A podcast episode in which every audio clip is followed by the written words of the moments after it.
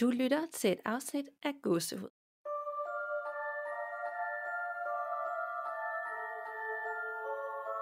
Hej Nana, Hej Danika. og velkommen til episode 20 derude. Det er jo sådan lidt en milepæl, Ja. 20. det, øh, det er ret vildt, at man kan snakke om øh, 20 forskellige tirsdag om Ja. noget overnaturligt. Altså, 20 er jo ikke ret meget, tænker jeg, men alligevel så Nej. føles det bare som rigtig meget. Ja, nemlig. Nu er det ikke øh, så nyt mere, der er kommet lidt form på det. Ja, og trods alt her et halvt år inden næsten, at vi har været i gang. Ja. Og nu har du været med i de sidste to afsnit, men Ja. hvordan tænker jeg, det har jeg i hvert fald tænkt over, ser du med fremtiden for gåsehud? Tænker du, der er emner nok til, vi bare kan fortsætte til de 100 eller 200? Ja, fordi det har jeg slet ikke fortalt dig, men jeg har lavet en kæmpe liste over øh, emner, hvor jeg har skrevet alle de emner, vi har snakket om. Ja. Nogle af dem er også blevet snakket om flere gange, så har jeg lidt tagget dem, og skrevet hvad for nogle afsnit det er i. Og øh, så har jeg kommet på en hel masse nye idéer, så der er virkelig meget at snakke om for, Ej, i hvor fedt. Ja. Det er mega fedt, det vidste jeg slet ikke. Nej. Men det er jeg glad for at høre. Altså, jeg tænker også, der er nok at tage fat i, men Absolut. nogle gange kan man godt komme til at sådan tænke på de samme ting hele tiden. Ja. Ja. Det man lige synes er fedt og sjovt at tale om nu, og så er det bare sådan de samme 10 emner, der kører i ens hoved. Ja, nemlig, men det, når man først begynder sådan at skrive det ned, så begynder det også bare at komme med den ene idé efter den anden. Det er godt. Så Det har vi nok at tage fat i. Ja, det har vi i hvert fald. Og hvis I derude har idéer til emner, så send dem ind os til os Ja, tak. allerede. Ikke lige det her emne i dag, det er et, vi har fundet på, men jeg Ja. tænker til næste gang, når vi skal optage, så er der nogen, der har inspireret os til at snakke om noget også ret uhyggeligt. Ja, det er der. Og hvad er der måske der er uhyggelige ting siden sidst? Jamen, der er ikke sket øh, forfærdeligt meget uhyggeligt for mig, men øhm, jeg har haft øh, flere drømme om død, hvor at øh, venner, jeg har, er døde.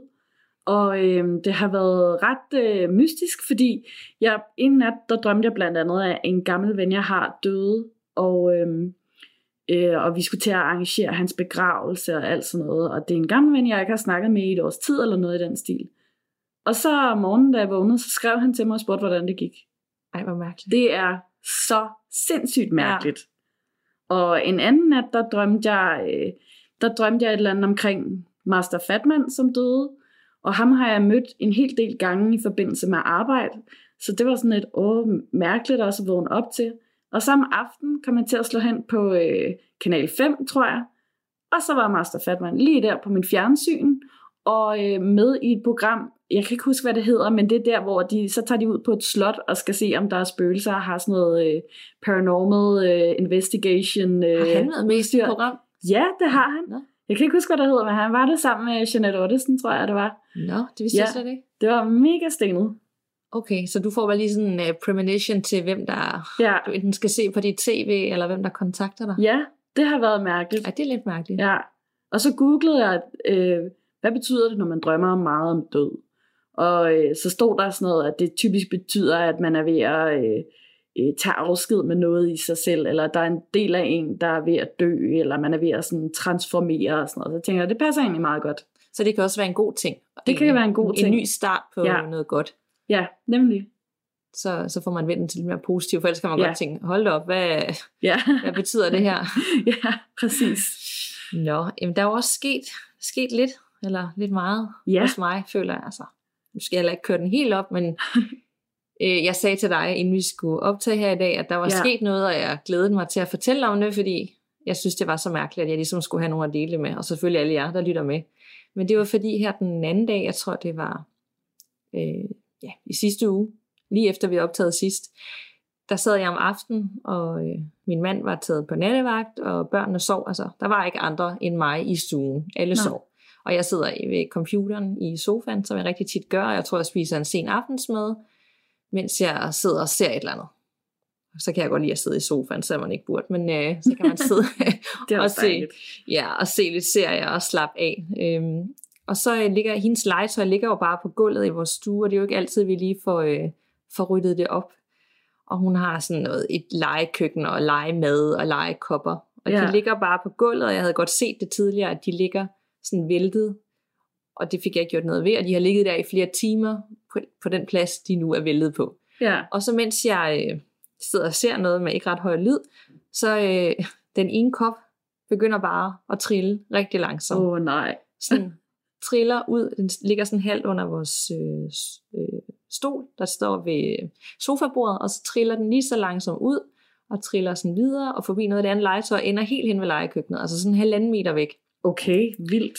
Vildt langsomt, og jeg, mens det sker, så pauser jeg, fordi jeg tænker, der er noget, der bevæger sig, og så sidder jeg bare og overværer hele den her situation med, at, det, at den triller, og mens det sker, du ved, jeg fryser bare nærmest, Ja, og så får virkelig den der myrekryb, og det løber bare ned ad ryggen på mig. Man, man har det sådan helt koldt, og man tænker bare, det her det er simpelthen for weird. nej, det kan jeg virkelig godt forstå. Der var ikke gennemtræk eller noget? Nej, altså vi, har, vi bor jo i Nybyg, vi bor nede Ja. ja. ved stuen. Jeg har aldrig nogensinde set noget blafre, altså Nej. ikke lameller, og det er jo helt nede ved gulvet. Vi har jo ikke vinduer helt ned til gulvet, så det vil også være mærkeligt. Og heller ikke skæve gulve, når det er sådan noget Nej, nybyg. Præcis, altså, for jeg ja. tænkte også, hvis der er en gammel lejlighed, og det har bare ligget, altså der er aldrig noget, der bevæger sig. Nej. Og det har ligget helt stille i så mange timer. Jeg havde godt tænkt, hold op, Uh. det ruder, og jeg, men det gider jeg ikke lige rydde op i dag. Hun Nej. skal alligevel lege med det igen i morgen. Ja, Og så når jeg sidder helt alene, og jeg tror faktisk alligevel, jeg havde gang i, det var også med research til det her, ja, så der var også en masse ting åbne, og jeg var også i det der, altså hvor jeg ligesom fokuserede på det overnaturlige, fordi jeg skulle finde ud af, hvad vi skulle snakke om til næste gang. ej, og det passer bare så godt til det emne, vi har i dag, og det passer også bare med den historie, vi fortalte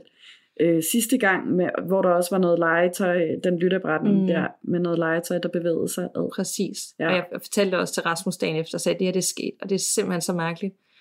Altså jeg følte bare, at det var et eller andet, Ja. sådan en lille tegn på noget til mig, Ja, at jeg ikke øh, bare havde alt det her med mit hoved og var skør, men øh, jeg faktisk øh, godt kunne komme i kontakt med nogle ting, eller få nogle tegn, hvis jeg virkelig var åben. ja, Og jeg kunne bare mærke, mens det skete, at jeg var sådan, nej, det her det må bare ikke ske, jeg har ikke lyst Nej, til det, og jeg vil ikke tiltrække mig omvendt bag, så sådan lidt, gud var det sejt, hvis det virkelig var et eller andet ja, signal. Men han var sådan, selv ham, han tror jo ikke på noget som helst, han synes, Nej. det er det mest, ja, han går lige at se en gyserfilm, men Ja. så er den heller ikke længere. okay. Og han var sådan lidt, han var sådan, hvad med vinduer, var de åbne? Sagde, jeg, det er de jo hele sommeren. Ja. De står på klem, men altså, det var jo ikke sådan, det var ikke den der, de der aftener, hvor det tordnede, og det var vildt vejr. Det var sådan en Nej. rigtig stille og rolig sommeraften med rigtig godt vejr.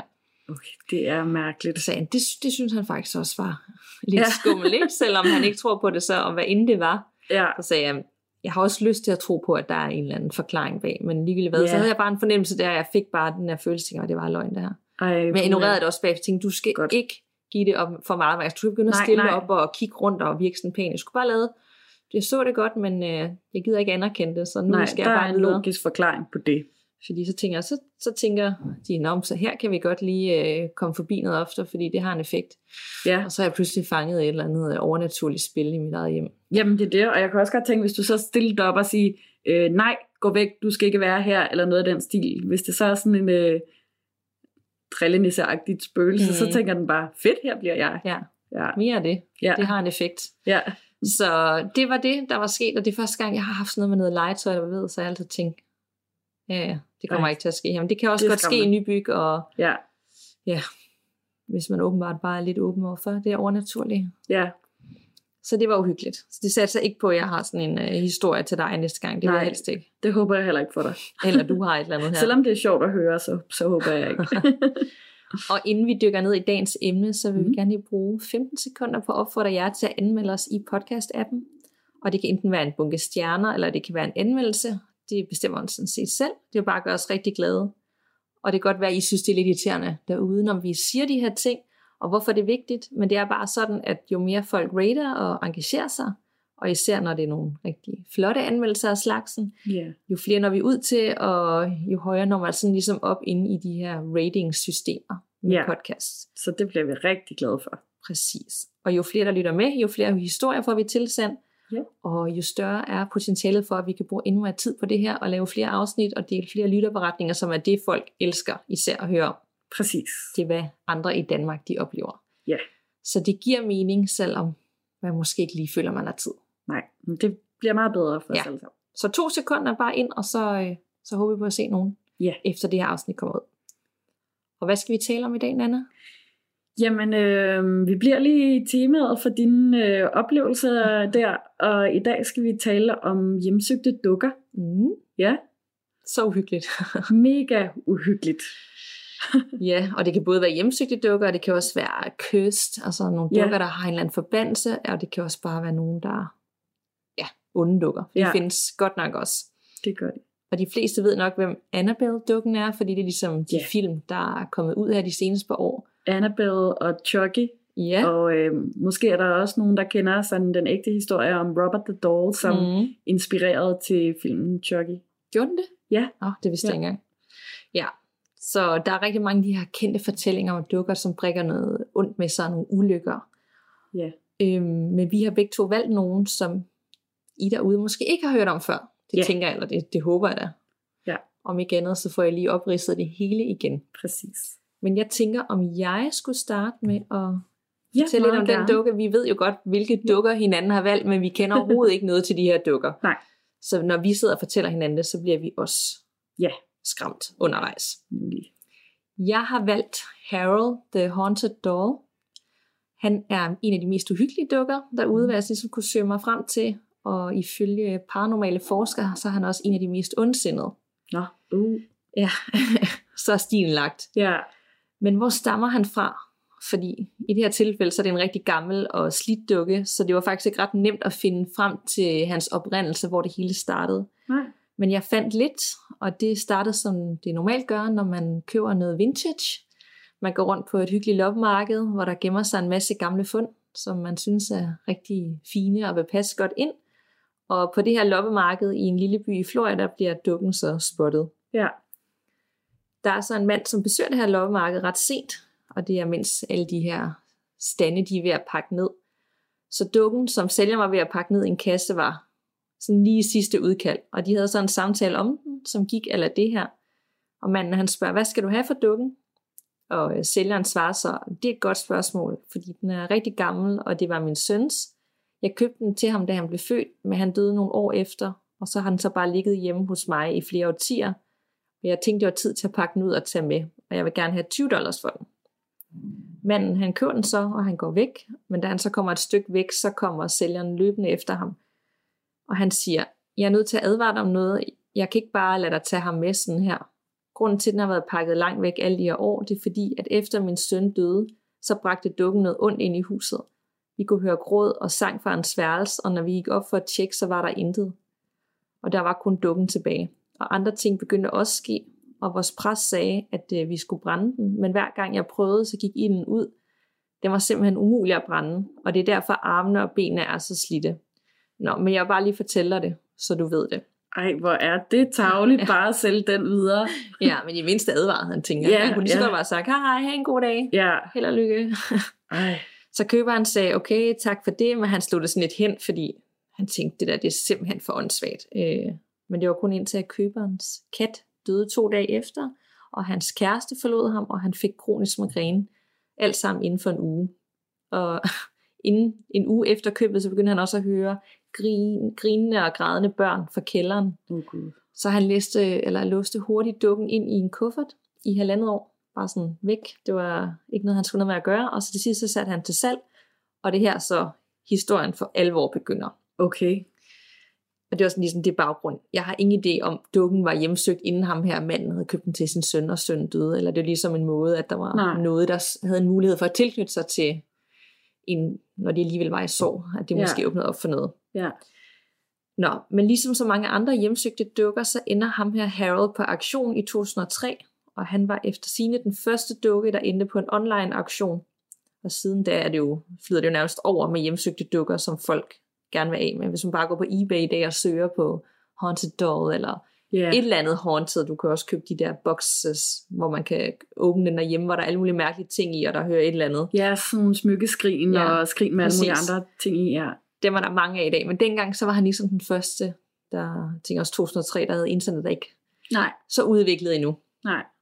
Nå, men den, den sidste ejer købte Harold tilbage i 2004, og han købte den af en kvinde ved navn Kathy, som nåede at eje Harold et år inden hun fik nok. Og grunden til, at hun købte dukken i første omgang, det var ikke fordi, at øh, den var hjemsøgt, men det var fordi, det troede hun slet ikke på. Hun købte den, fordi hun var i gang med at øve sig i at restaurere dukker og sætte dem i stand. Ja. Og det her, det var sådan en rigtig god øvedukke. Og jeg har også nogle rigtig uhyggelige billeder af Harold, så I kan se, hvordan han ser ud. Og jeg skal nok dele den ind i den private Facebook-gruppe.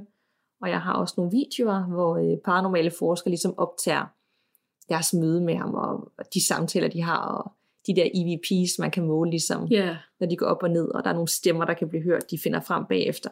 Ja.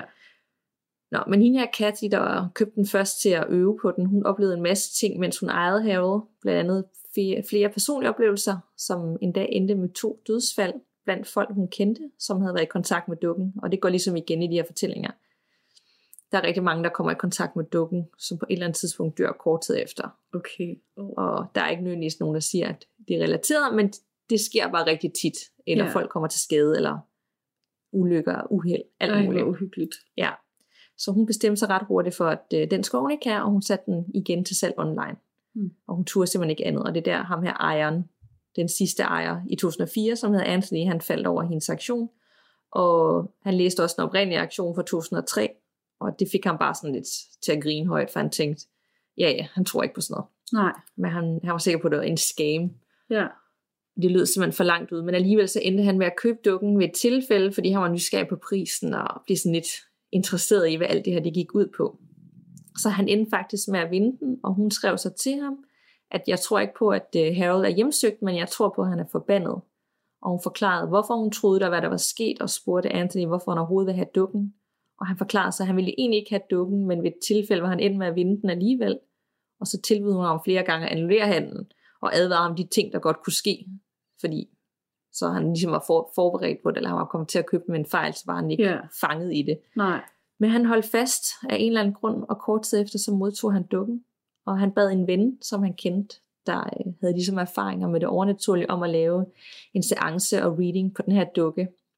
Og Anthony han optog endda seancen, men det varede ikke så længe, måske et minut eller to, hvor efter vennen han konstaterede, at jeg kan ikke gennemføre det her, han har lige troet med at slå mig ihjel. Anthony han var sådan lidt skeptisk og tænkte, ja ja, men da han så hørte optagelsen igennem, så kunne han tydeligt høre nogen sige, I'm going to kill you bitch. Åh, oh, ej. Ja. Og siden da så fik øh, Anthony flere readings for Harold, såvel som han så folk komme slemt til skade, mens de var i rum med Harold. Så siden 2005, så, øh, så har han været pakket væk. Og, men i 2013 kom han frem igen, så der kunne laves undersøgelse på ham. Og alle de der mediums, der kommer i kontakt med ham og laver readings, de siger, at de vil ikke have noget som helst med dukken at gøre. Ifølge dem er den ikke øh, hjemsøgt eller forbandet. De mener, at det er at tale om noget dæmonisk eller djævelsk Ja, ja. øh, tilknyttet den. Og faktisk er den her dukke så omdiskuteret, at den endte i et afsnit af Ghost Adventures, som må være det mest Mm. mm. populære overnaturlige tv-program i verden. Det kører jo på ja, sindssygt mange sæsoner, og der ja. Er så mange, der ser der. Så der er lavet et helt afsnit om dukker, og især den her dukke, hvor de får lov at låne den af ejeren. Og det gad jeg godt finde frem, men Ja. jeg ved faktisk ikke, jeg tror faktisk Amazon Prime, hvis man, de har alle sæsoner derinde, men de har Nå, okay. de er jo ikke så udbredt herhjemme. Nej, nej. Jeg gad nemlig godt se det. Jeg Det tror, det er jeg virkelig gennemført. Nå, men siden 2013, hvor han ligesom pakkede dukken fra igen og vil til at undersøge det, så har han så oplevet lidt af hvert med Harold. Han har også lavet en hel hjemmeside, hvor man sådan ligesom har kunne følge, hvad de undersøgelser, han selv har lavet, og hvor han har forklaret om de ting, der sker, og hvad der driver ham til vanvid. Han har også haft en YouTube-kanal, hvor han filmer dukken og de undersøgelser, han laver. Men han virker ikke til at være så aktiv længere. Jeg tror, det er flere år siden, at der sidst er kommet videoer. Mm. Og det jeg kunne finde frem, som også var det, som skræmte mig lidt, det var en fortælling fra en kvindelig paranormal forsker, som også underviser andre i at træne deres evner mm. og undersøge den side, hvis man har lyst. Og hun har faktisk en masse klasser, man kan gå til. Hun har blandt andet et, der hedder Demonology, eller Demonology, ja. Hvor Ja. ligesom, at de, de forsker bare rent i dæmoner, og hun stadig giver sine øh, erfaringer videre, og de kan ligesom bruge det selv. Det synes jeg er meget bedre, man kunne have. Ja, helt Gå vildt. til det. Ja. jeg går til dæmon. Ja. Nå, men ham her Anthony, han mødte op i, i hendes lokaler, lige inden hun skulle undervise en dag. Og vi er nok fremme i 2015-16, og han havde selvfølgelig dukken med. Mm. Hun kunne så genkende ham fra Facebook, og vidste, at han var sådan ligesom ejeren til Harold, fordi han var, efter det her tv-program, så var det blevet meget omdiskuteret med den her dukke, og hvad det gik ud på. Ja. Han fortalte hende hele historie, historien fra købet i 2004 til nu, hvor han havde pakket dukken ud af sin kasse, og var i gang med at lave alle de her store undersøgelser. Han fortalte også, hvordan han havde lånt dukken ud til tv-programmet, og han havde også advaret dem, da han vidste, hvad Harold ligesom kunne skabe af effekt. Ja. Fordi der var nemlig det, at da det her tv-program så blev vist, så øh, for det første, værterne, de oplevede også en masse uhyggelige ting med skrammer og ulykke, og det er noget, man ser i øh, ligesom det her tv-program, mens de filmer. Men undervejs i programmet, hvor et øh, medium undersøgte dukken, så kunne det også bekræftes, at øh, dukken i den grad var hjemsøgt og havde flere sjæle tilknyttet sig. Blandt andet var der en mental ustabil og farlig kvinde, som var, var ondsindet og ville skade alle, der kom i nærheden af dukken. Det var bare en af dem, der sådan ligesom boede i Harold. Der var også flere andre hjemsøgte sjæle, blandt andet en mand, der kaldte sig selv for Harold. Der var to niæser til Harold, og der var en lille dreng, og så var der så den her dæmon, Wow. de, de ligesom kunne lokalisere. Men dæmonen hjemsøger ikke dukken, ifølge Anthony. Der ejer dæmonen dukken og dikterer, hvad den skal gøre. Ja. Så det er et helt andet. Det er derfor, de siger, at den ikke er hjemsøgt, men den, det er en dæmon, der ligesom får den til at gøre alle de her ting. Ja. Der var så rigtig mange, der så det her tv-program, som kontaktede Anthony og værterne bagefter, fordi de havde fået slem hovedpine undervejs, og svimmelhed, og ekstreme mareridt, og følelsen af, at Harold var tæt på den.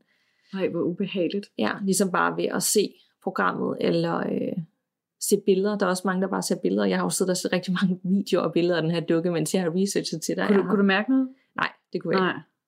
Men ja, hver gang, at jeg scrollede ned over et nyt billede, og så video, så tænkte jeg, hold op, altså, Ja. det er måske ikke det smarteste Nej. at udsætte sig selv for.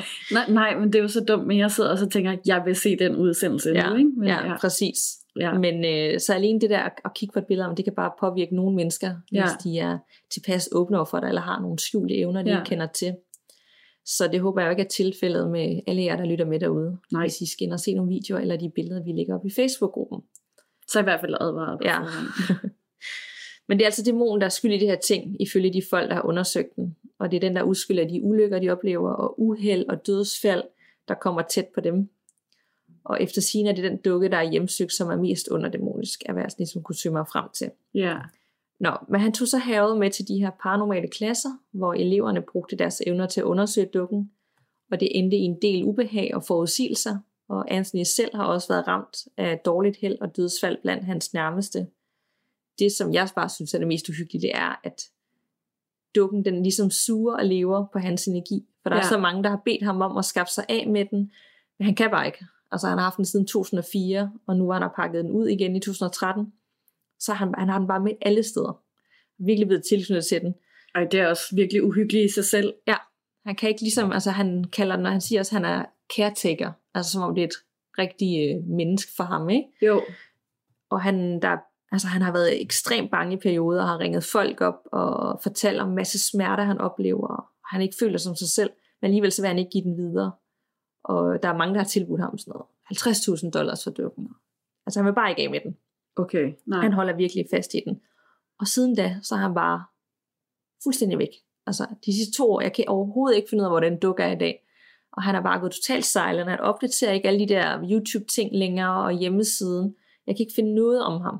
Så jeg tænker stadigvæk, at han har den. Og desværre så tyder det så også bare på, at dukken bare har fået magten over ham på en eller anden måde. Det kunne man i hvert fald godt tænke. Ja. Og ligesom lever af hans energi. Og Ja. bliver stærkere af det. Ja.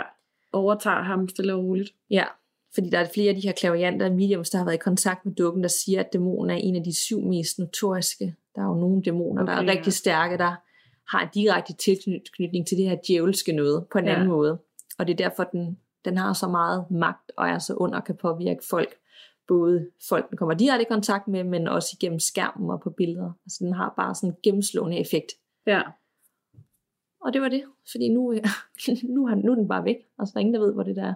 Ej, det er Jeg kan virkelig ikke finde frem til noget, nej.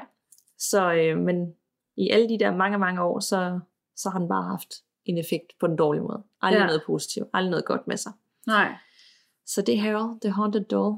Ej, Dukken, man, man kan- håber næsten, at, øh, at, at det der program, der havde fået lov til at låne den, de øh, også lægger mærke til det og rækker ud til ham og prøver at høre, hvad der er, der Mm. foregår, så man kan få en slags update.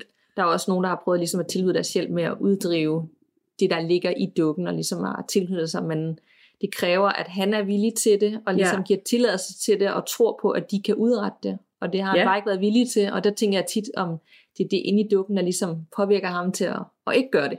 Ja, og ligesom siger, ej, det er ikke en god idé, du skal ikke stole på dem, og de er sikkert, øh, det kunne Ja. det jo sagtens være. ja, fordi, Men altså, når den er så stærk, så kan jeg da også sidde og blive i tvivl om, om de så overhovedet ville være i stand til at uddrive den, eller hvad der det, så skete det er jo ikke sikkert, bagefter. præcis. Men han har i hvert fald fået tilbudt sådan hjælp og guidance, ja. og folk, der vil tage den og til museums og mange penge.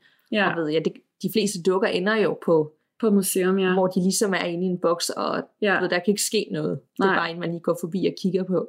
Præcis. Men ikke i det her tilfælde. Så det kan være, at man skal, når man skal på loppemarked næste gang, så ligger Harold der. så, man ved aldrig.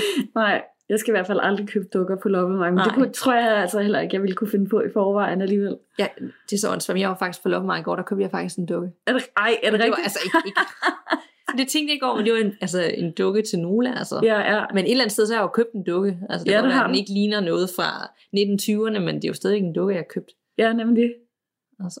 Jeg, jeg tænkte jeg ikke over, tænke, nej, men det kunne hun jo lege med og sådan noget. Sådan starter det jo altid. Jamen, Så det gør, det gør det jo nemlig. Og mens jeg sad og researchede på alt det her, der fandt jeg også over en øh, hjemsøgt Elmo-dukke. Altså Elmo fra, øh, hvad det hedder, Sesame Nå, Street. Ja. ja. Så det kan også være nyere ting. Det kan også være nyere ting, ja. Spændende. Ja, Jeg har ikke lige oplevet noget i nat her, den første nat med dukken. Men... nej. Lad os håbe, at den er safe. Ej, det er faktisk mærkeligt, fordi vi har haft rigtig mange problemer med lyden her til formiddag. Ja, det har vi. Og der sad jeg og tænkte lige nu, altså du ved, også det der med, er det lige Harold, der prøver bare at sige, I skal ikke optage og dele historien om mig og give det mere fokus? Nej. Ej, gud, jeg tænkte nemlig også på sådan lidt, ej, hvor er det, altså, det er skørt, fordi jeg også lige har siddet og rodet med det her i weekenden, og der var bare ingen problemer overhovedet, at sådan, er der noget, der prøver, men ja, nej, åh, Vi har brugt over en time på at få det til. Det gav ingen mening, de Nej. problemer. Og lige pludselig så virkede det igen. Ja. Så det kan godt være, at der er nogen, der stopper os fra at snakke om alt det her. er- Ja, Men du har også en duk med. Jeg har også en dukke med. Øhm, ja, lidt mere stille og roligt, og der er ikke nogen dæmoner her i hvert fald. Mm. Gudskelov. Det godt. Det, så vidt vides i hvert fald, så er der ikke nogen, der har tænkt, at det var en dæmon, der var på spil. Men det er en dukke, som hedder Mandy, også The Haunted Doll. Og øh, hun øh, stammer fra 1920'erne, øh, har man kunnet øh, resonere sig frem til, ud fra hvordan hun så ud, og hvordan hun var blevet lavet, de materialer, der er blevet brugt osv.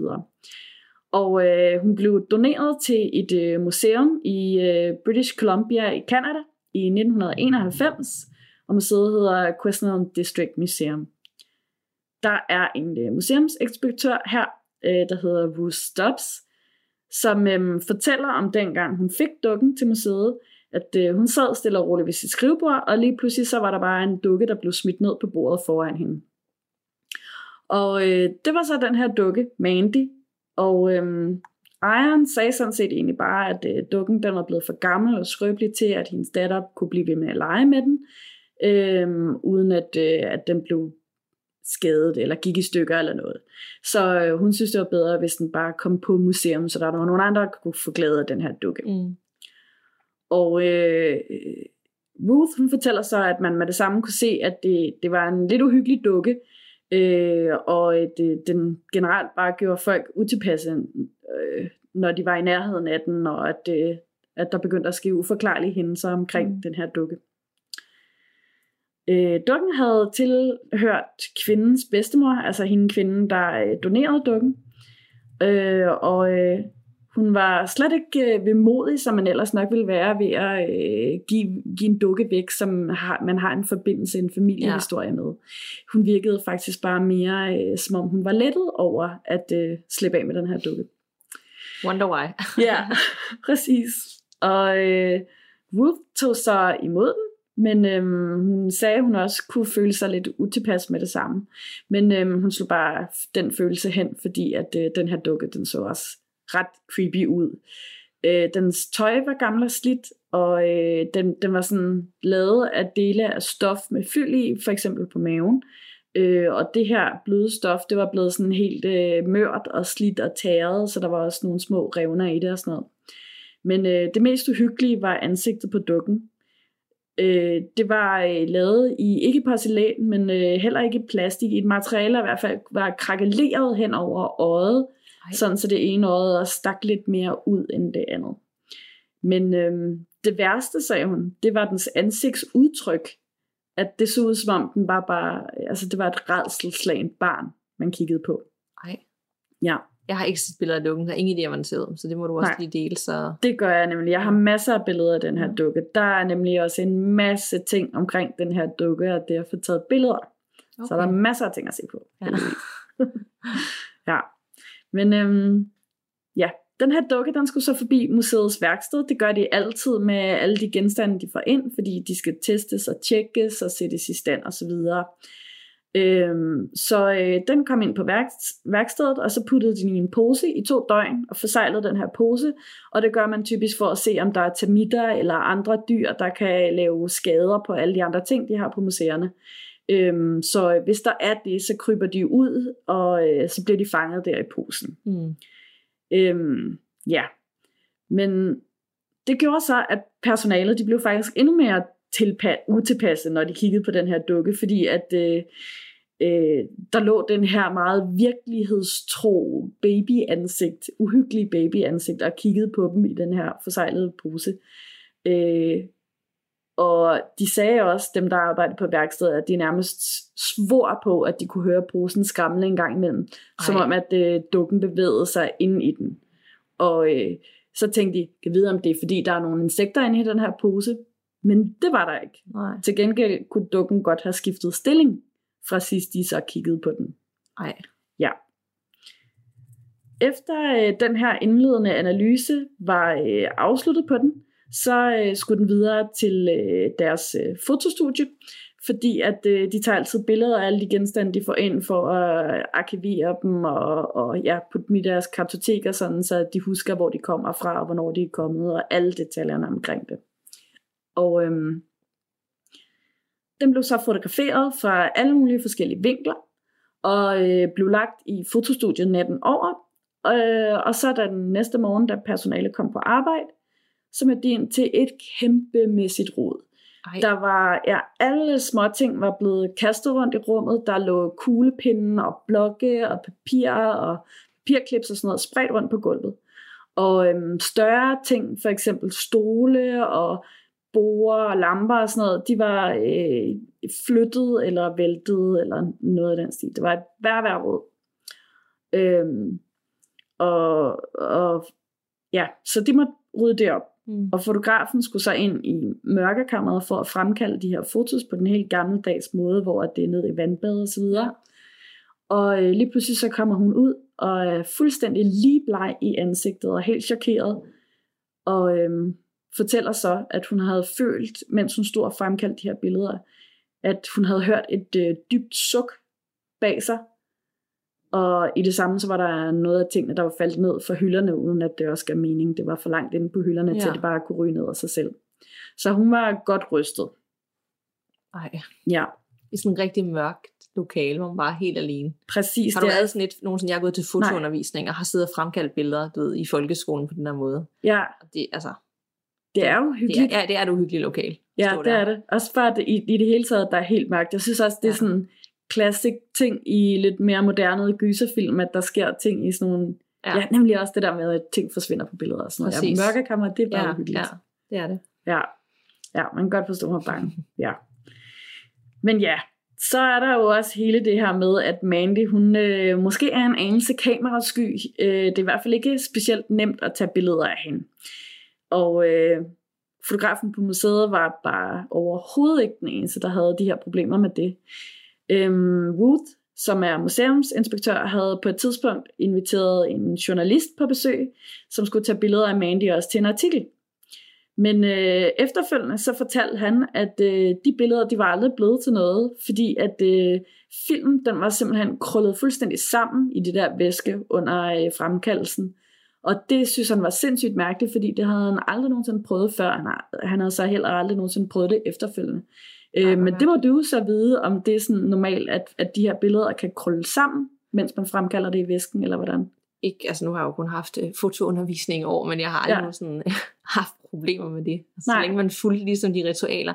Nu tænker jeg, altså det jeg gik til, det var sådan, at man lagde et billede i, i, i det der væske, ikke, og ventede, ja. og så flyttede det over til det næste, ikke, altså man tog et af gangen. Ja, Her var det måske, jeg ved ikke, om det var den måde, han skulle fremkalde, eller det var en film, ligesom man afleverede i gamle dage nede i, øh, i brusen. nej, nej, det var, det var sådan på den måde også, væske ja. der. Ja. Men det har jeg aldrig oplevet. Nej. Jeg kan godt opleve, at man gør det forkert, ja. Ja. og så bliver det billede sådan helt overeksponeret, eller et eller andet, ikke? Jo. Men øh, nej, så det lyder meget mærkeligt. Det lyder meget hvis, mærkeligt. Især hvis man det ved, hvad man laver.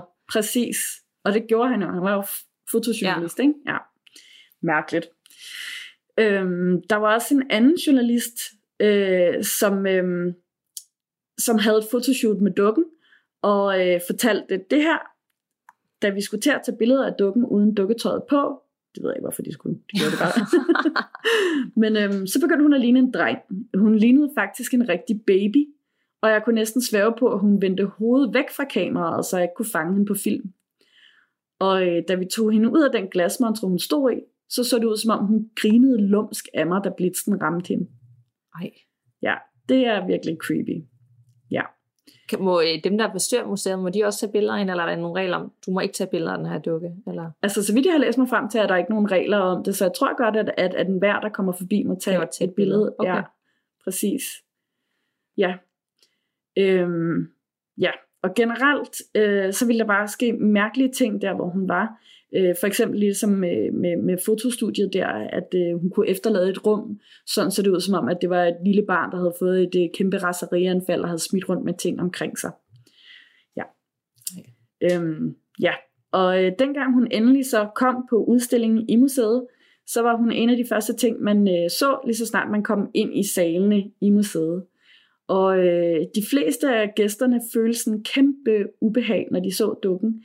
Øhm, som om, at de følte, at der var noget helt, helt galt med den, øh, uden at de kunne forklare, hvad det var. Og ja, mange af deres billeder blev faktisk også fuldstændig utydelige, eller ja, blev slet ikke til noget, eller noget. Så de går ligesom igen. Ja, det går igen det der med billeder nemlig. Der var også mange, der sagde, at øh, når de gik rundt på museet, så var det ligesom om, at dukken fulgte dem rundt med øjnene. Mega ubehageligt. Mm. Øhm, og så er hun også blevet mistænkt for at være ansvarlig for, at andre artefakter rundt omkring på museet er forsvundet for at dukke op mega mærkelige steder øh, efterfølgende. Og det er virkelig underligt, fordi at de fleste af de her genstande har jo været lukket inde i montre, Mm. som er låst, aflåst, sådan så folk ikke bare kan flytte rundt på dem. Og, og man er jo meget forsigtig, Ja, ja. alle medarbejdere på museer. Man holder jo styr på, hvor man gør af tingene, hvis man flytter dem. Mm. Det er jo som regel kun for at istandsætte dem, eller Præcis. støve af og sådan noget. Så det er jo ikke bare fordi, man... Ja. Og, ja. Nej, nemlig. Så det er virkelig mærkeligt. Ja. Øhm, og den mest uhyggelige historie øh, omkring, hvad der er sket med hende på det her museum, det er, at øh, på et tidspunkt, hvor hun skulle støves af eller et eller andet, så er hun blevet tabt på gulvet, og øh, så er der begyndt at sive rigtig blod ud af de der revner, hun havde i øh, ansigtet. Ej, stop. Ja. ja, det er virkelig ulækkert. Øhm, ja, Og det ved de ikke, øh, hvordan det skete, eller hvor det kom fra, eller om der var et eller andet. Nej, Nej. men Ruth kan heller ikke, øh, hun har heller ikke bekræftet historien. Hun sagde bare, at det var noget, hun havde hørt nogen fortælle om. Ja, så det kan godt Øhm. være en open legend måske. Det er meget muligt, at det bare er en urban legend, Ja. men Men en god ikke en, desto mindre creepy. Nej, præcis, ja. ja. Øhm, så det nåede også til et punkt, hvor at de tænkte, at øh, de ville jo gerne blive ved med at have besøgende i museet. Så øhm, det var nok en god idé at stille den ned bagerst i lokalet i, i stedet for, og så fik hun så sin egen mondre at stå i. Og så blev det lidt mere stille og roligt. Okay. Men øhm, rygtet omkring den her super skræmmende dukke, den øh, havde spredt sig i store dele af Canada, specielt inden for øh, sådan hele den der museumsverden. Så øh, der kom en kurator fra et andet museum på besøg, og øh, han var kendt for at have i forvejen sådan nogle lidt klaverjante evner. Øhm, så han øh, spurgte, om han måtte få lov til at se og føle på dukken og sådan, for at se, om han kunne mærke noget. Og det kunne han. Han siger, at han fik øh, helt vildt mange kolde gys ned ad ryggen, og øh, han kunne mærke på dukkens energi, at øh, den havde oplevet en hel del mishandling. Altså det var selvfølgelig ikke dukken selv, der havde øh, der var blevet mishandlet. Nej. Øhm, det var en ånd, mente han, som havde bosat sig i den. Ej, det er synd. Ja, og de fandt så frem til, at, øh, at dukken skulle være blevet fundet i kælderen. Øh, helt oprindeligt skulle den være blevet fundet i kælderen på en gammel bondegård, hvor at øh, en mand, der øh, var på vej, på vej forbi gården, øh, hør, sagde, at han havde hørt noget barnegråd inden fra huset. Og han synes, det var super mærkeligt, for det her hus, det var blevet forladt øh, og var helt tom, og det var, havde stået tomt i flere år. Ja. Øhm, så han undrede sig over, at der skulle være barnegråd, altså fra et lille bitte barn, ikke bare børn, der havde været på eventyr. Øhm, så han gik op til hoveddøren og bankede på, men der var selvfølgelig ikke noget svar. Øh, han kunne høre gråden tydeligere, så han kiggede sig sådan lidt omkring, og så, øh, så besluttede han sig bare for at gå ind i huset, fordi han kunne ligesom se, at der var ikke nogen, der havde bosat sig der. Øhm, så øh, hvis der var et barn derinde, så var han jo ligesom bare nødt til at gå ind og Mm. finde det. Øhm, da han så kom ind i huset, så kunne han høre, at øh, barnegråden den kom fra nedenunder gulvet. Og han ledte lidt efter øh, døren ned til kælderen, men han kunne ikke finde den, så han var nødt til at gå ud igen. Og så har de jo de her øh, store døre ned til Ja, er kælderen udefra, ja, tit i ja, USA og Canada. Øhm, så øh, han kunne komme ind den vej. Og da han åbnede døren, så øh, flød der jo en masse lys fra den her høje solskinsdag ind i øh, rummet, hvor han så et helt forfærdeligt syn. Der lå nemlig øh, livet af en meget ung pige midt på gulvet, og øh, hun havde tydeligvis været død længe. Ja. Ja. Og hun lå så med den her dukke i armene. Ej. Ja. Og man har aldrig fundet ud af, hvorfor at øh, den her pige i det hele taget øh, befandt sig i det her hus. Øh, hun havde heller ikke hørt til i den familie, der havde boet der tidligere. Øh, så man ved ikke, hvor hun kom fra, eller, eller hvordan og hvorledes. Men, øh, eller om der i det hele taget var tale om et uheld, om hun havde fået låst sig selv inde, eller om hun var blevet straffet på en måde, eller ja, Og om hun det var havde så Mandy-dukken i armene. Hun havde nemlig Mandy Så der var ikke Dukken. en, en, et liv af et rigtigt barn eller baby. Det, jeg, sådan, jeg, det der han kunne høre babygråd, så tænkte jeg, Ja. der var et, et barn dernede, der var blevet holdt fanget, eller der var livet af børn, eller var det et barn? Hun, hun var selv et barn. Hun var barn, ja. Okay, Hun var barn, ja, og lå med Mandy-dukken i, Okay. sig, i armene ja. der. Ja, okay. præcis, ja. Og, og derfor mener man så også, at, øh, at det ligesom er hendes sjæl eller hendes ånd, der har øh, sat sig fast i dukken her. Mm. Ja. Øhm, og det var sådan ligesom den historie, han kunne øh, fortælle ud fra, hvad han oplevede omkring den her dukke. Og øh, det viser sig så, at der godt kan være noget om det, fordi at øh, ud af alt det her, så tænkte Ruth, at hun var nødt til ligesom at, at få fat i øh, den oprindelige ejer af dukken igen og finde ud af, hvad, hvad der egentlig var, og hvorfor de egentlig havde doneret den her dukke, om der var mere til historien. Ja. Og øh, det var der. Øhm, hun fortalte, at øh, det var faktisk ikke bare, fordi hun var bange for, at øh, hendes datter skulle komme til at ødelægge dukken ved et uheld, når hun legede med den. Øhm, fordi i så fald kunne hun jo bare have sat den i æske, eller sat den væk, gemt den, eller whatever. Ja. Ikke? Øhm, det var fordi, at øh, hun havde haft dukken i sit hus, og så kunne hun nemlig selv høre gråd fra sin kælder. Og når hun så gik ned i kælderen for at undersøge, hvad det var, så fandt hun altid dukken midt på gulvet med kældervinduet åbne, og gardinerne, der står og blafrer i vinden. Øh, og da det blev så slemt, at det næsten skete dagligt, så var det, hun besluttede sig for at øh, skille sig af med den og donere den til museet. ja. Ja. Så de har også haft deres erfaringer Ja, og mødet med Mandy.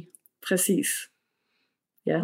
Men det er også tragisk. Altså, det lyder jo ikke Helt ondt. Det lyder bare sådan tragisk. Ja. Og Tragisk sørgelig som en ensom fortabt sjæl fra ja, et barn. Der er nogle uforløste ting, ikke? som de Jo. ligesom bare gør, at det lever videre og videre og videre, uden at komme nogen vejen. Ja, Det var trist. det er virkelig, virkelig Ja. trist. Så en trist dukke og en ond dukke. Ja, Og de 500 andre hjemsøgte dukker, præcis. som vi kan tage i et andet afsnit. Ja, Nå, ja, det Ja. var vores to dukker. Ja. Øhm, ja. Det kan være, at vi skal, altså det kan være, at I har, har erfaringer med hjemsøgte dukker, eller dukker, der opfører sig mærkeligt. Ja. Eller bamser. eller andet legetøj. Et eller andet. Legetøj generelt, det vil vi gerne have historie om, hvis I har det. Ja. Fordi der er bare et eller andet ekstra hyggeligt, når det er en sådan lidt børneagtig ting. Ting, Præcis. som er forbeholdt børn, som er hyggelige, Ja, og så lige pludselig så bliver det bare alt andet end hyggeligt. ligesom klovne for eksempel. Mm. Jeg synes også, klovne er sindssygt uhyggelige, uanset hvor søde og nuttede de prøver at se ud. Ja. Apropos det der loppemarked i år, så købte Sylvester også noget. han ville bare komme hjem med de gode ting i år. Ja, Han købte, jeg var kigget lige væk to sekunder, så havde han brugt 20 kroner på sådan en klovnemaske. Men, oh, nej. men det var ikke bare du ved, en hyggelig klovnemaske, det Nej. var sådan en et-agtig øh, klovnemaske. Åh oh, nej. med sådan en skæv hat på. Og du ved, Ja. en rigtig, ikke bare en mat, det er sådan, der går, slutter om hele hovedet. I sådan noget rigtig, ligner rigtig hud. Ej, ad, hvor ulækkert. Altså, den, den er mening, at den skal se hyggelig ud. ja, ja, ja. Og så, så sagde han, så har han styr på øh, hans Halloween-kostyme. Ja. Nå, hvor sødt. Det er meget sødt. Ja, Ja. Han går meget op i øh, at klæde sig ud til Halloween. Han var også en Ej, er rigtig dræber skole zombie. Ligesom sådan en skoledrengs zombie, Ja, der Ej, var reddet sådan. Ja, det så ret vildt ud. Shit. Så øh, ja. så det kan være, at vi også skal have et klovne-afsnit en dag. ja, det har jeg faktisk tænkt på også. Det kunne vi sagtens have. Ja. Ja, god idé. Og så har vi nogle lytterhistorier. Ja. Vi har to igen, fordi Ja. der er kommet, kan ikke sige en masse, men der er kommet en del her, siden øh, vi optog sidst. Ja, og det er rigtig dejligt, så blive endelig ved med at Det er endelig med det. Vi vil meget gerne have endnu flere, så vi også kan Ja. begynde at lave øh, lytterberetninger, rene lytterberetninger afsnit Ja. en gang imellem, når Ja. vi har nok. Men vi har en hver, og øh, jeg kan lige fortælle den her, som kommer fra øh, Kasper. Ja. Og jeg har jo læst den foran, men øh, du, Ja. du, ja, den er, den er rigtig god. Nu kører den totalt op, men ja. Så han skriver, hej gåsehud. Før jeg lige vil øh, runde min historie, så bliver jeg nødt til at påpege, hvor sindssygt gode I er til det, I laver. Jeg Mm. vil, ja, det var fandme sødt. Ja. Jeg elsker hvert øjeblik af det fantastiske, men også spooky program, I laver. Super sjovt, når man går på arbejdet og får gåsehud. Følelsen af at få det er faktisk meget cool, og på en måde er det også lidt grineren. Ej, hvor dejligt. Det er dejligt. Ja, Det var sødt sagt. ja det var. Nå, lige for at runde den korte fortælling, er det omkring et emne, I har snakket om før, og nogle beretninger har, været, har I været omkring før, og det omhandler også det såkaldte søvnparalyse, eller sleep paralysis, som det nu hedder på engelsk, hvilket lyder meget bedre. Og Ja. det, det vil jeg give ham ret i. Ja. Søvnparalyse, det lyder bare sådan Kedeligt. hæftigt kedeligt. ja. Nå, men det skyldes nok, at jeg var rigtig stresset den aften, og det skal lige siges, at på derværende tidspunkt var jeg i militæret, og vi var lige kommet hjem for en øvelse, som jeg havde ekstrem søvnmangel på baggrund af. Ja. Så det har nok også spillet ind. Absolut. Men jeg fik endelig lagt mig i køjesengen, som der var på kasernernes stuer, og klokken var nok omkring et om natten, og jeg kan tydeligt huske, at jeg var begyndt at falde hen, da jeg pludselig hører en knirken hen for døren. Jeg lukker øjnene op, og til min forskrækkelse står der en form for mørk skikkelse af en person, og det var så tydeligt at se, kan jeg huske. Jeg vil gerne kigge væk og sætte mig op i sengen, men der går det op for mig, at der intet sker med min krop. Jeg lå bare med åbne øjne og kiggede på den her skikkelse, og pludselig kan jeg huske, at skikkelsen stod lige foran mig, og jeg fik en voldsom trykken for brystet, som om der var nogen, der trykkede mig ned i sengen og, for, og prøvede at kvæle mig. Ej, uha. Og så snart jeg ville råbe om hjælp, så skete der intet. Jeg fik ikke en lyd ud af min mund. Jeg var magtesløs, og trykket varede måske 20 sekunder, men føltes som flere timer. Mm. Og med et forsvandt det hele, og jeg kunne sætte mig op og komme til mig selv. Det er den værste ting, jeg har oplevet mig at indrømme. Og så til den nok lidt længere fortælling, som nok har fået mig ekstra meget til at tro på, at der er mere mellem himmel og jord, og noget vi ikke lige kan forklare.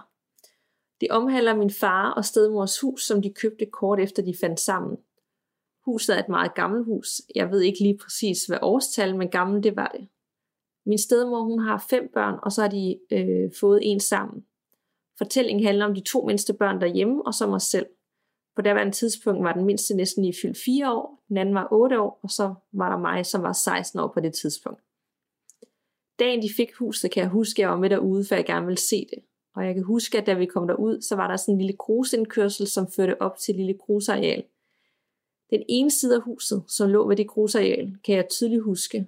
Mit første øjekast faldt på de planter, som havde fundet vej op ad husets væg, hvilket fik mig til at udbryde. De mener ikke, de er jo taget ud fra en gyserfilm. Her vil jeg ikke bo. Efter det, så øh, gik vi videre i huset. Huset er opdelt i to etager, så vi startede på stueplanen, hvor det første, du kommer ind til, er køkkenet og spisestuen. Det var i hvert fald rigtig gammel, og du kunne fornemme, at der var blevet røget derinde, og man kender ligesom følelsen af, at man går ind i sådan et gammelt hjem, hvor man tydeligt kan lugte, at der boede nogle gamle mennesker. Ja. Det hele var bare så gammeldags og uhyggeligt. Der var en vinkælder, det er altså også uhyggeligt, Det er uhyggeligt. ja. som senere blev dækket til med sand, da de lavede gulvet om. Og videre gik vi så op til første etage, hvor de fleste værelser lå. Og så nede i køkkenet fik man også her en fornemmelse af noget gammelt og røg. Men der lå så beskrevet kun værelser ovenpå, og så et lille opbevaringsrum, og så lemmen til loftet. Åh oh, nej, lofter og kældre. Altså, det er også bare uhyggeligt. Ja. Jeg husker flere episoder, hvor jeg var alene hjemme og sad og så tv i stuen, øh, i stueetagen, at jeg hørte fodtrin, en øh, lignende lyder fra første etage. Men jeg tænkte ikke nærmere over det, da jeg var meget skeptisk anlagt på daværende tidspunkt. Jeg tænkte altid, at det nok bare var vandrørene, som spillede mig et pus, selvom lydene blev ret markante, som tiden gik. Så husker jeg en dag, at jeg hører lyden af stole, der bliver trukket ud fra et bord. Øh, forestiller jeg lidt, at de er til et møde, og folk skal til at sætte sig, og stolene bliver trukket, trukket ud. Sådan lød det faktisk. Og jeg kan tydeligt huske, at jeg var ved at skide i bukserne, fordi jeg var alene hjemme, og jeg vidste, der ikke var andre.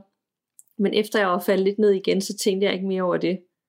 Det var faktisk først, da vi bestemte os for at rive nogle vægge ned og lave nogle af rummene lidt større, at der først begyndte at ske mange uforklarlige ting. Uh, Ja. Den er så god, den her fortælling. ja. En aften, jeg skulle passe mine to mindste søstre på henholdsvis 4 og 8 år, som beskrevet tidligere, så skete der nogle meget ubehagelige ting. Jeg havde lagt, lagt dem begge i seng og gik ned igen for sit tv. Og der gik måske halvanden til to timer, og jeg var faktisk selv begyndt at blive lidt døse i sofaen og kæmpe mig for at holde mig vågen, da min mindste søster pludselig står grædende ved siden af sofaen. Jeg vågner selvfølgelig med et sæt og spørger, om hun ikke kan sove hernede ved mig, men hun siger, at øh, manden igen står i døren og kigger på hende, men denne gang så kigger han meget surt. Og jeg ved jo ikke, hvordan jeg skal reagere i denne situation, så jeg spørger ind til, hvilken mand hun mener. Hvortil hun svarer, manden med den brune uniform og en hat. Åh oh, nej, jeg har seriøst virkelig meget gåsehud ja. lige nu. Jeg bliver meget forvirret og fortæller hende, at hun selvfølgelig bare kan sove hernede, indtil jeg skal i seng. Der er jo ikke mere, end, ikke mere end en time efter, så kan jeg så høre, min søster på 8 år begynder at råbe helt vildt. Og hun råber, gå væk! Og hun græder også samtidig. Så jeg løber nærmest op til hendes værelse, men da jeg står op øh, for foden af trappen, synes jeg, at ane noget for enden af trappen. Altså han står nede trappen ja. På vej op, og han aner så noget for enden af trappen. Gå hen mod toilettet, som ligger lige op til højre trappen, og værelserne til venstre. Så det jeg øh, kan ane kommer faktisk fra venstre og går mod højre. Jeg husker bare, at jeg skal op til min søster, men jeg glemmer aldrig kulden, som jeg møder op for enden af trappen, inden jeg drejer ind mod, hvor værelserne er. Da jeg så kommer ind til min søster og ser hendes dyne ligge på gulvet, og hun sidder nærmest skrummet helt sammen i hjørnet af hendes seng grædende, og siger, at manden prøvede at hive dynen af hende. Og straks igen løber det koldt ned ad ryggen af mig, fordi min mindste søster havde lige sagt, der stod og kiggede ind på hende fra døren af. Jeg stivnede i nogle sekunder og tog min søster i hånden og gik ned i stuen til den anden søster, og så sov vi faktisk sammen der resten af natten. Mm. Det sad bare i hovedet på mig, det her med, at jeg så kun var 4 og 8 år, men stadig ikke kunne beskrive den her mand, plus det jeg selv anede gå ind mod toilettet. Jeg nævnte det over for min far og stedmor, som sagde, at min søster havde fortalt, at de var blevet rigtig bange for en mand i nat, men som forældre nu engang gør, vil de jo gerne have det til at handle om, at børn er fulde af fantasi, og så blev det faktisk lagt på hylden igen. Mm. Men det var kun lige indtil en dag, jeg igen var alene hjemme og sad nede i stuen og så noget film. Og han skriver, at han er meget glad for film. Ja. og igen hørte han de her stole blive trykket ud. Og dengang så beslutter han sig, eller beslutter jeg mig for at gå derop og se, hvad det var. Og da jeg er på vej op ad trapperne, så hører jeg stemmer. Altså meget utydelige stemmer. Og det var ikke til at høre, hvad nogen sagde, men han kunne ligesom, eller jeg kunne ane lyden af, at nogen snakkede inden fra min næstmindste søsters værelse. Samme lyd, som man kunne høre stolene blev trukket ud fra. Da jeg så når enden af trappen, så stopper al lyden, og jeg går op for at tjekke værelset, som der selvfølgelig ingen var i. Efter de her episoder bliver jeg nysgerrig på, om der egentlig var nogen, som var døde her engang, da det var en enke, der boede her før min fars stedmor. Jeg finder faktisk meget hurtigt ud af, at der er ingen, der er døde i huset som sådan, men det hus, de bor i, og det hus, som ligger ved siden af, ud mod den store vej. Og han har vedhæftet billeder, så vi ligesom kan se det. Ja. Det er begge nogen, som tyske officerer, de brugte i 2. verdenskrig til at opholde sig i, når de var i omegnen. Okay. Og på huset ud mod den store vej er der faktisk indgraveret et hagekors i muren ved hoveddøren.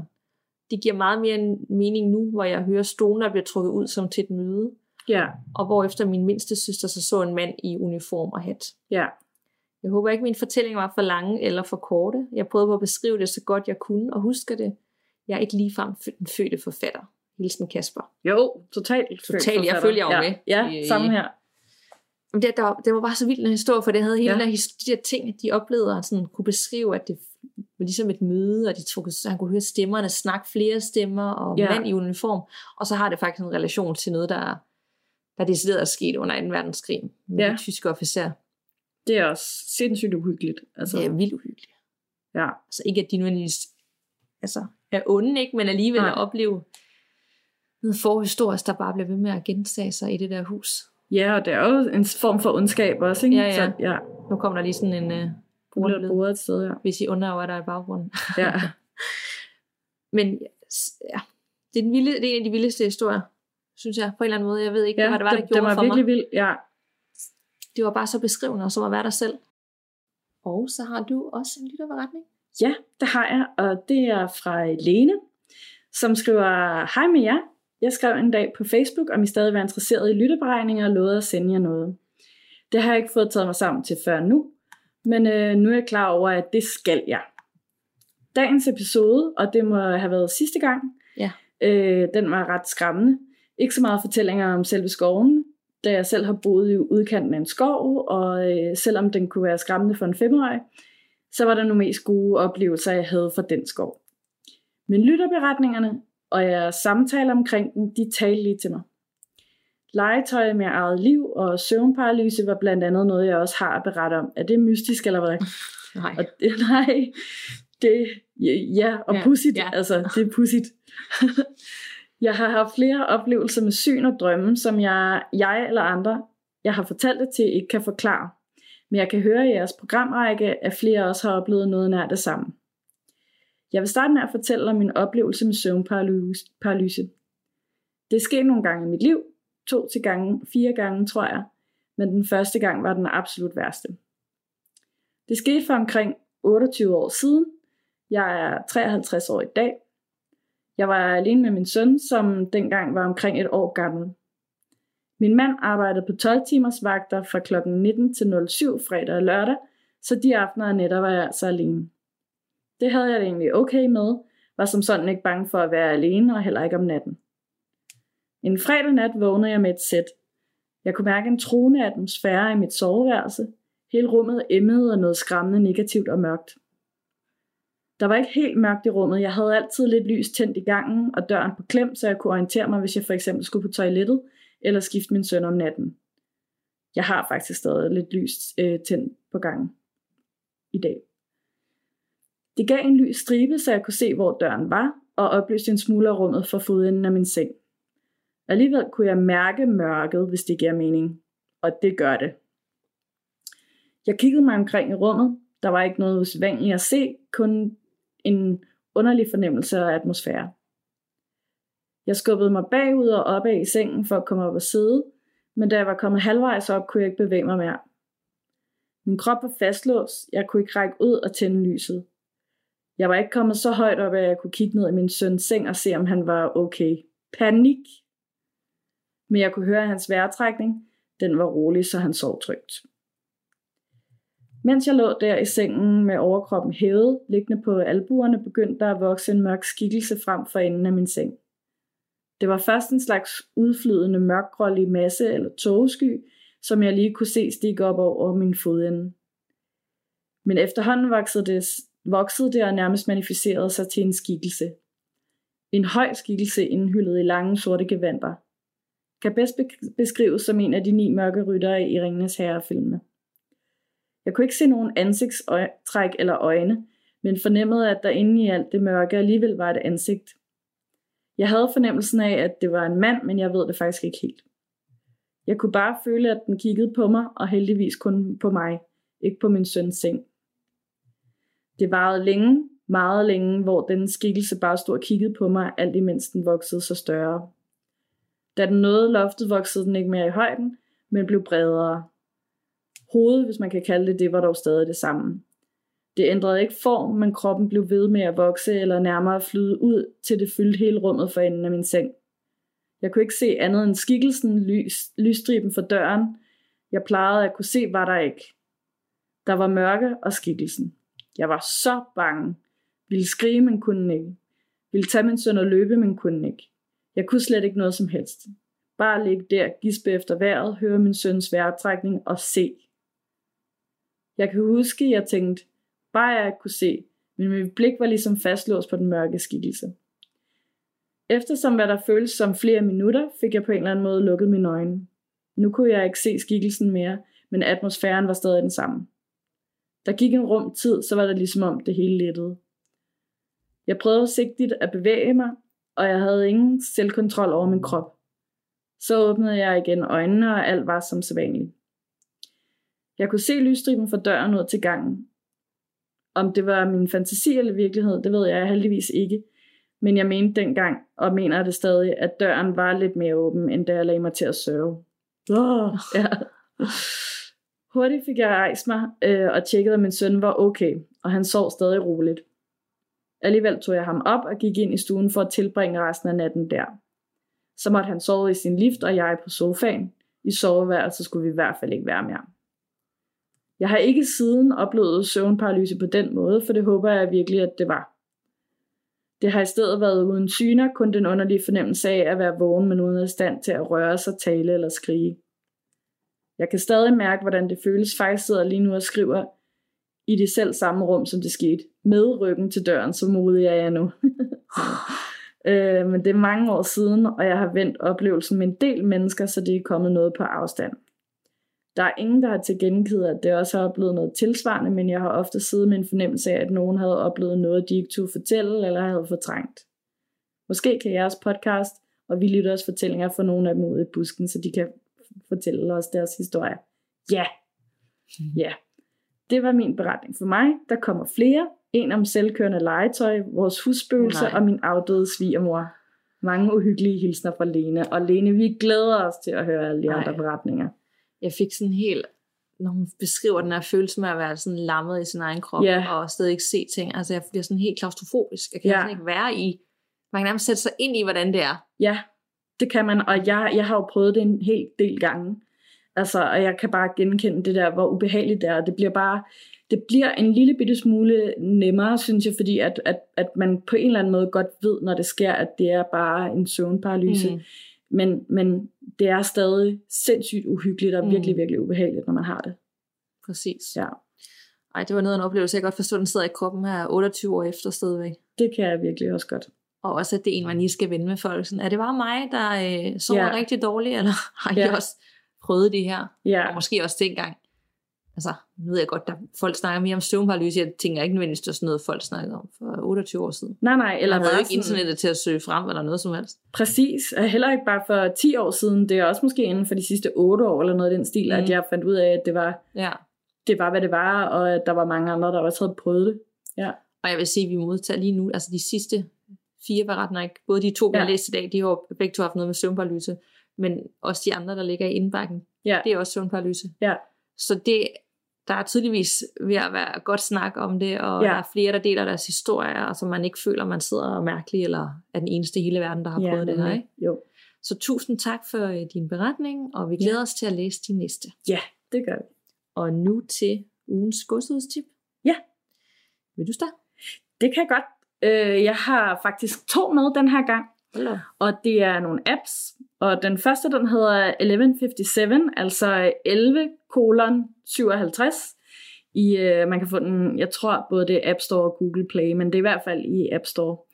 Øhm, og øh, det er den her app, hvor at, øh, du tænder for den, og øh, så er det nærmest ligesom en lille kortfilm på lige knap 5 minutter, der udspiller sig, hvor at, øh, den, er, den, den er sådan lidt præget, eller lidt båret på augmented reality, så du kan bevæge dig rundt, og så øh, skal du, ja, du skal bevæge dig rundt med telefonen for at kunne se, at du er nede i den her underjordiske grotte, og så øh, er der noget helt vildt uhyggelig musik på, og du kan høre, at der er fodtrin omkring dig og sådan. Så det er lidt ligesom at være med i en gyserfilm ja. selv. Så, holder man, så kigger man igennem telefonen. Ja, det Ja. gør man nemlig, og den er, den er, den er ret, altså sådan, jeg havde virkelig mange af sådan nogle jump scares Mm. øh, undervejs.